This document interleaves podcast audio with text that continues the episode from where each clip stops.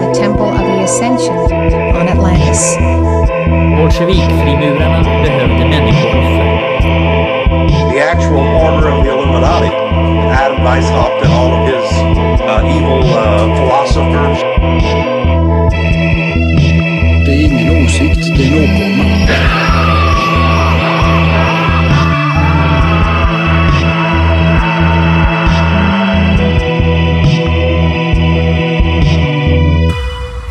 välkomna till Dolda fakta. Podden etablissemanget inte vill att du ska höra, där vi djupdyker i åsidosatt och möjligtvis gömd kunskap. Jag heter Uitslo Potsli och med mig så har jag, Ja, jag heter Alf Enerström. ja, då kör vi då. Ja,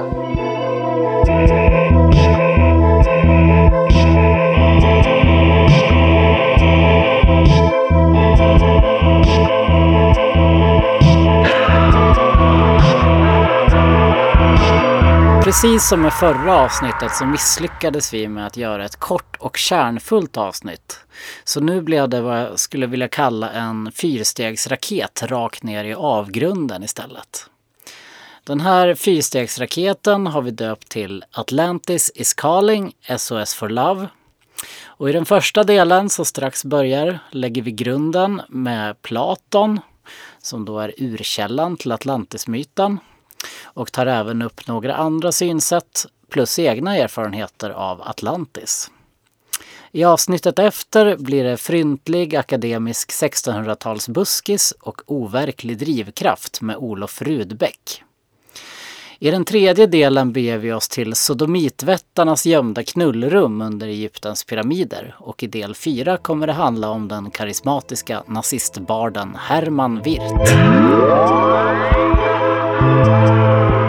Hur stötte du på Atlantis första gången? För mig var det i en Fantomen-tidning som vi hade i min sommarstuga i början av 90-talet som faktiskt tog upp flera stycken av eh, de olika myterna och teorierna om Atlantis. Till exempel Sydamerika, kristaller och eh, det här med degenererade Atlantisbor som ser ut som monster.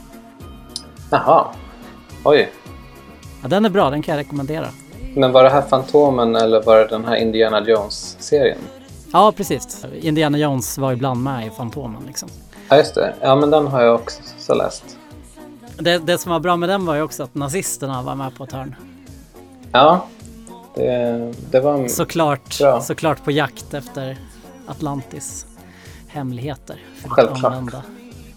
Alltså, sen, sen, sen kommer jag ju eh, såklart att tänka på en världsomsegling under havet. Så åker de i sin ubåt utanför Marocko och stöter på ruiner under vattnet. Ja, nej, men jag stötte ju på, om jag minns rätt, så var det ju faktiskt en av Berts dagbokböckerna. Där det var ett otroligt märkligt stycke där Bert, eh, det var någon sorts fantasi han hade om hur folken på de urgamla kontinenterna Atlantis, Lemurien och Mu möttes. Och jag kommer inte ihåg vad de gjorde ens. De hade väl något sammanträde tror jag. Det här ville jag ju hitta igen inför den här podden. Så jag har ju bläddrat igenom alla Bert-böcker som skulle kunna vara rätt tidsperiod, men jag har inte hittat det. Vad tråkigt. Ja, och eh, skulle kunna vara ett sånt här falskt minne som jag fått fram i terapin, men eh, jag tror inte det. Kan det vara eh, en länk till det kosmiska undermedvetna och mänsklighetens, du vet, ur, urmyter och vårt ursprung som kom, kommer till uttryck? Ja, det där tycker jag var en ledande fråga faktiskt. Men det kan det vara. Nej, men man kan ju undra om Sören Olsson eller Anders Jakobsson om de är invigda i den hemliga läran faktiskt. Ja, alltså det låter väldigt Blavatsky tycker jag. Ja, det gör det verkligen. Men jag, jag frågade till och med Anders Jakobsson, jag frågade till och med honom på Twitter om han kom ihåg vilken av böckerna det var. Men eh, han kom tyvärr inte ihåg själv. Ja, vad, vad tråkigt. Ja, men det, det är väl förståeligt eftersom de har väl skrivit 500 Bert-böcker. Ja, men ändå beundransvärt att han svarade. Jo, men det kändes stort faktiskt. Ja, men eh, om man inte hade svarat hade man ju lätt kunnat eh, tolka det som att det var lite farlig information som du var den enda. Enda Ja. som kom ihåg kanske. Jag kommer inte ihåg det här, jag har ju också läst alla Bert-böcker. Ja, Ja, men jag hade väl öppna ögon redan då. Om det är någon av våra lyssnare som kommer ihåg det här och vet vilken bok det är kan de gärna höra av sig till oss. Ja, ja det vore ju kul att få reda på faktiskt. Ja, så att själen kan få ro igen. Man får ju ganska fina associationer. I, I alla fall får jag det när jag tänker på Atlantis. Eh, tänker ju på, ja men du vet, sol och värme. Klassiska grekiska kolonner i sci-fi-värld. Med flygande farkoster.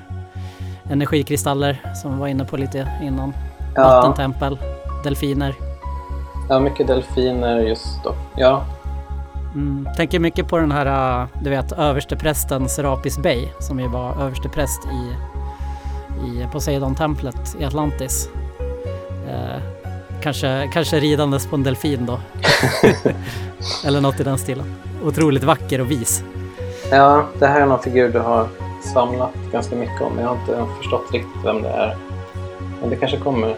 Nej, nej det, är, det är lite tråkigt för i de här fyra avsnitten kommer vi ju kanske mer prata om lite torra grejer. Det är ganska mycket gubbar till exempel än eh, Ja. än hur det faktiskt såg ut på Atlantis. Ja, precis. än Den utopiska, liksom tropiska, upplysta idealvärlden Atlantis. Eller ja, vi kommer väl in på det också, men, men eh, mot slutet så kommer det nog ändå bli mer mörkt. Ja, detta blir, det här blir alltså ett första försök för oss att angripa Atlantis. Eh, och tycker man vi börjat på fel håll så kan man ju göra en egen podd istället kanske. Eh, man behöver ju inte lyssna. Men ja, vi, vi tyckte att det var rimligt att göra så här. Jo, men man är ju tvungen att begränsa sig. Helt, när det, det här är ju ett väldigt stort ämne. Var det du som hade tagit reda på hur många böcker det hade skrivits om Atlantis i början av 90-talet eller något sånt där? Det var Ja, liksom, det här har jag tagit reda på.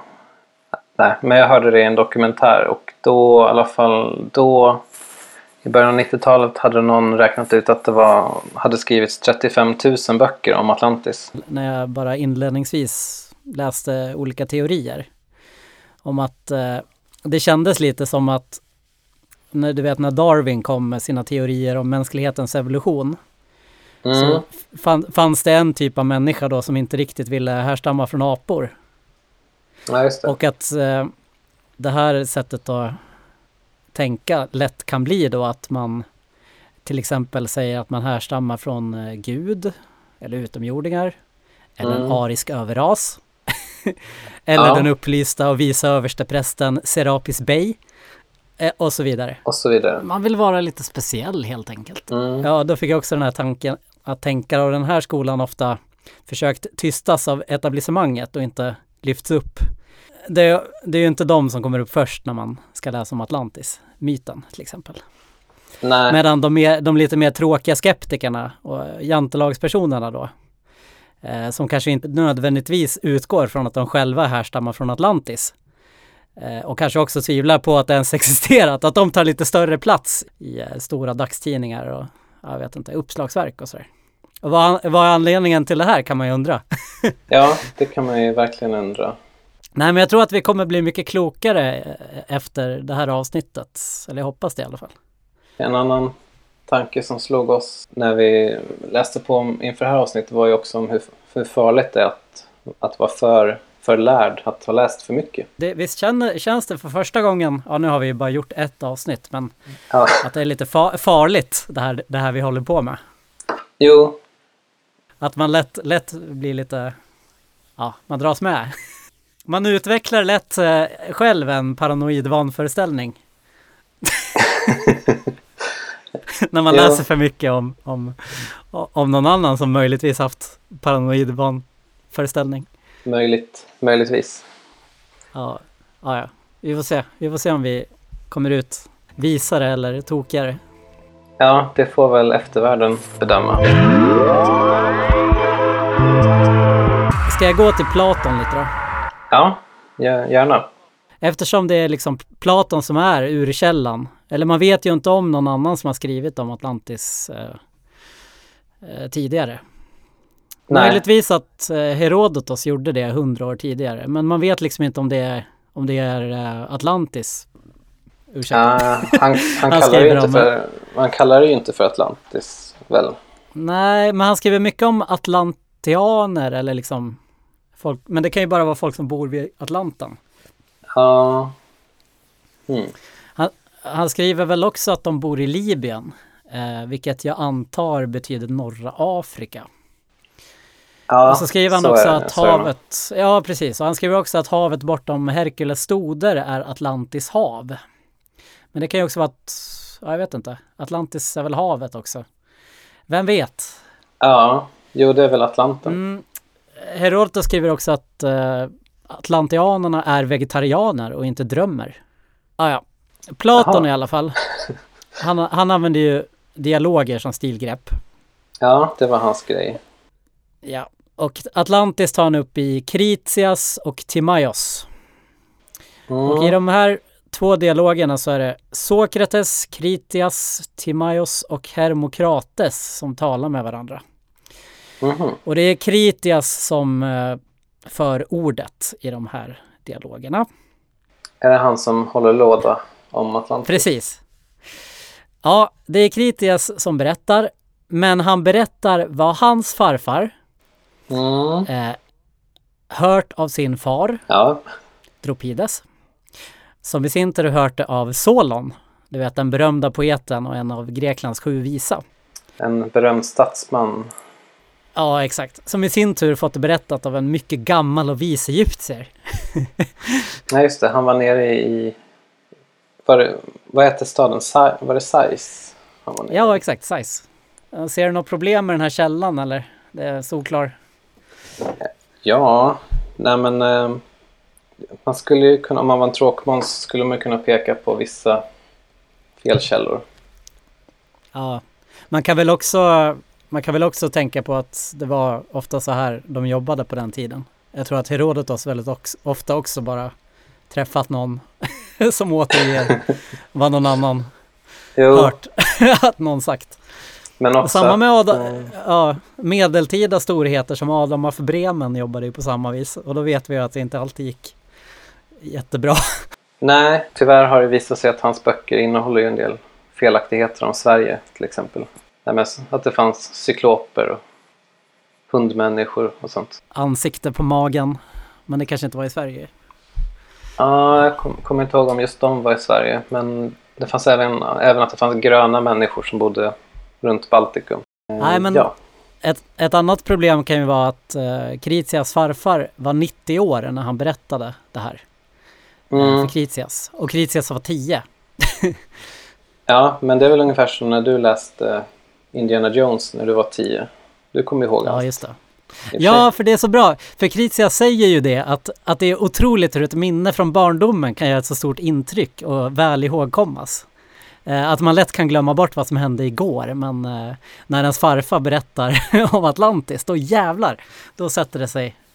Men det kan man ju tänka sig. De hade ju ingen annan underhållning heller på den här tiden. Det fanns ingen, inga smartphones och sånt där som man blir dum av. Nej, precis, det var ju samma med mig. Jag hade ju inte, jag hade säkert inte ens eh, Gameboy på den tiden. Jag hade ju bara Fantomen, tidningar. Ja, ja det är Ja. sorgligt. Ja, det var hemskt. Eh, Ja, men just det. Men även att den här som den egyptiska prästen ber- berättade. Att han berättade ju om händelser som låg 9000 år tillbaka i tiden. Så nämnde vi det. En annan felkälla. Ja, men, men vi kommer till det. Det är ju, det är ju det, det är lite annat han säger här i början också som jag tycker är spännande. Att, eh, att Kritias farfar ska ha sagt då att om Solon bara hade skrivit klart den här historien om Atlantis, då skulle han vara lika berömd som Homerus. Mhm. Och då får, blir man ju lite, börjar man ju tänka lite, vad Homeros, eh, är inte det fiktion? Och om det Jo. tvistar ju de lärde. Men, Gör, de, gör de verkligen det? Ja, vi kommer i alla fall in på det här senare. Ja, Ehm, men i alla fall så skriver Platon flera gånger att den här historien är sann. ja men... Jaha, ja men då så. Då måste det ju... Varför skulle Platon ljuga? Även om då eh, Aristoteles tvivlade på det hela, kan man ju ta upp också. Just det. Han trodde inte på det här. Jag, jag har ju läst mycket på en fantastisk internetsida som heter Atlantipedia. Och de tar upp eh, ordet fundamentalistisk atlanteologi. Vilket syftar på när man tar Platons källa bokstavligt och på mycket stort allvar. Ja, det, men det måste man väl göra eftersom han är, är den enda källan också. jo, så är det ju. Så det är väl lätt, lätt hänt kan jag tänka mig. Det, det är ju lätt hänt.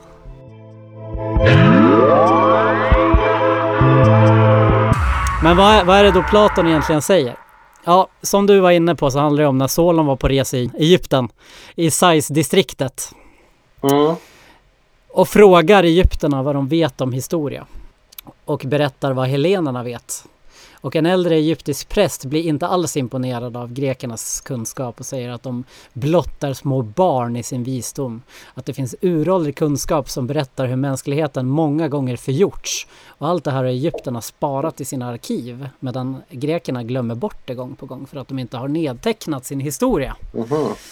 Att det var liksom 9000 år sedan, det kan ju, eftersom egyptierna var så bra på att dokumentera sin historia så kan ju behöver inte det betyda att det de dokumenterat är felaktigt. Nej, men det var ju synd att ingen annan någonsin har sett den här dokumentationen då. Som egyptierna hade. Nej, den, eh, den ligger ju begravd under Sphinxens vänstra tass om jag minns rätt. Men tyvärr Jaha. ingen som har... Jaha, nej, det, förlåt. Det visste inte jag. Jag, back, jag backar. Nej, men det här sa ju eh, mediet eh, Edgar Casey när han var satt i trans på Jaha, eh, 30-talet. jaha. Ja, okej. Ja, men Eller det, det 40-talet, visste inte ja. jag faktiskt. Den, ja, varför skulle han ljuga? Det är ett sidospår. Ja, ett, ett av många. Alltså förlåt att jag går igång på det här så mycket men jag har, jag har ju läst mycket om just Edgar Casey och tycker det är otroligt eh, att han sa det här. För de har tydligen hittat eh, någon slags grottor under eh, Sphinxen som de inte vågat gräva ut för de är rädda för ras. Jaha. Men äh, åter till äh, Platon då.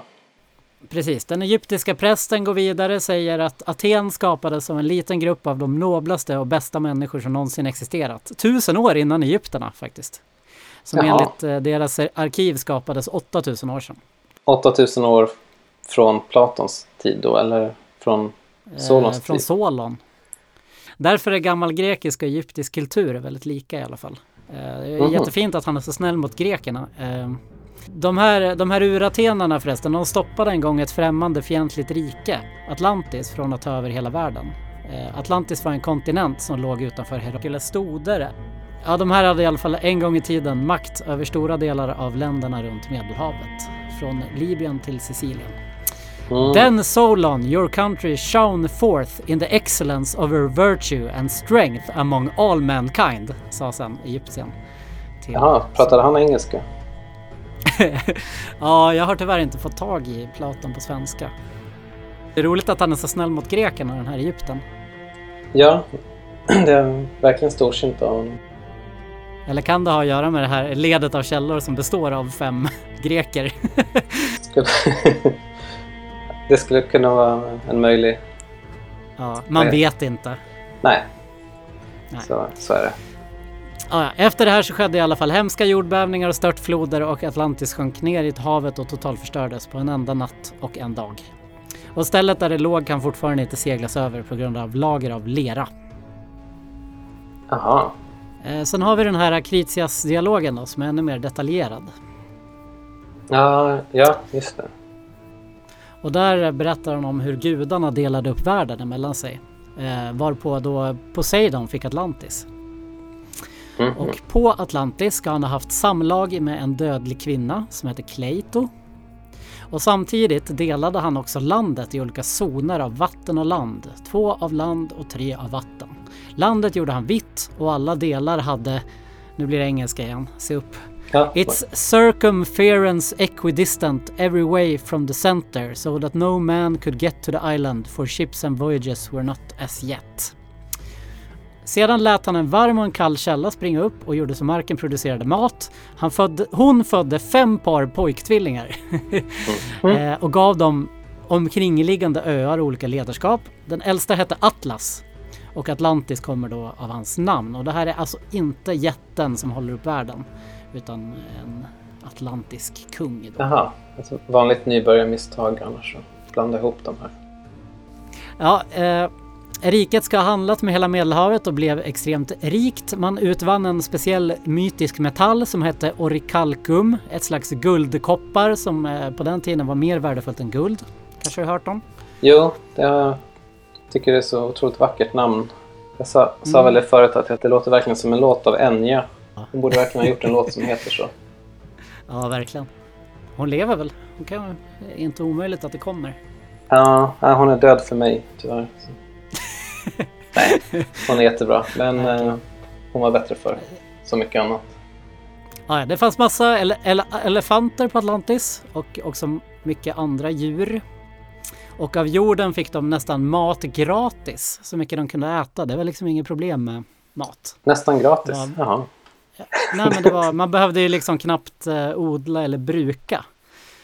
Vackra fält som bara liksom eh, sprutar ur sig olika ätbara grödor och nötter och, och sen Ja. alla djur då som springer runt och Att det, det, var, det flög in stekta sparvar i munnen på en nästan. Som, som in. Exakt så skriver Platon.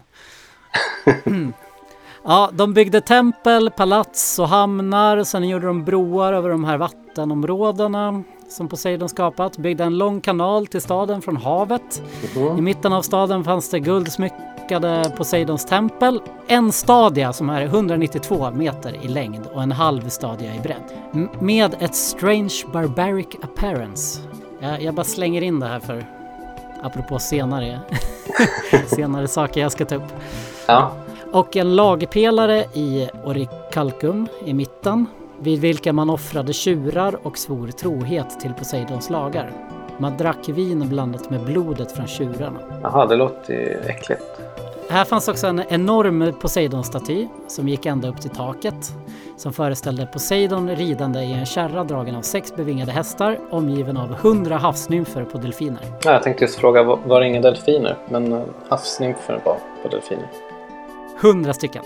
Okej. Man talar också om tre olika stentyper i Atlantis eh, som var vita, svarta och röda. Det fanns otroliga träd överallt. Det fanns bad för män och kvinnor och så fanns det en racerbana. Och ett otroligt livligt stadsliv och hamn. Eh, ja, du vet. Det var fantastiskt och folket var otroligt bra, vettigt och vackert. Men efter många år så blev de degenererade, kanske. På grund av att gudsblodet som ju de fått genom Poseidon gradvis försvann. Och då blev folket på Atlantis högmodiga och giriga och straffades. Eh, Kritias-dialogen blev ju tyvärr aldrig slutförd. När Zeus samlat alla gudarna så sade han följande, är sista meningen. man, fick aldrig, man fick aldrig veta vad han sa. Nej. Ja, nej, det var ju snopet. Ja, det här är alltså grunden till otaliga teorier av både riktiga vetenskapsmän och totala galningar. Ingen annan känd tidigare grekisk eller egyptisk källa nämner Atlantis, förutom möjligtvis Herodotos då. Mm. Kan väl också ta upp att vår gamla favorit Diodorus Siculus, Ja, allmänt känd som väldigt opålitlig, eh, ändå nämner Atlantis. Han skriver till exempel att kungarna har fiskfenor som huvudbonader och kvinnorna har också någon slags eh, fisk... Eh, grej på huvudena. Han skriver också mycket om att de är i krig mot amazoner. Eh, som ju sägs ha bott runt Atlasbergen i Nordafrika, tror jag. Ja, inte enligt Adam av Bremen. För enligt honom bodde de i Baltikum. Men det är ju ett stickspår kanske. Ja, och det var ju faktiskt också en conquistador som träffade på amazoner vid Amazonasfloden. Kan man ju lägga in. Jaha. ja, det är mic drop. Ja, ja, man har i alla fall placerat den här förlorade kontinenten nästan, över, nästan överallt på jorden. Mm. Det enda, den information man får ju är ju det här om Herkulesstoder. Men i alla fall har ju Atlantis placerats till exempel då i mitten av Atlanten, i Mm. Amerika, i Sydamerika, i Antarktis, Sydpolen, Santorini, Kreta, under sanden i Sahara, eh, Bahamas, Oj eh, Spaniens träsk och då i Uppsala. Ja, det här var då alltså första delen av fyra om Atlantis. I nästa del så kommer vi prata om Uppsala och Olof Rudbeck och hans Atlantis-teorier. Ha det så bra tills dess. Hej då! Thank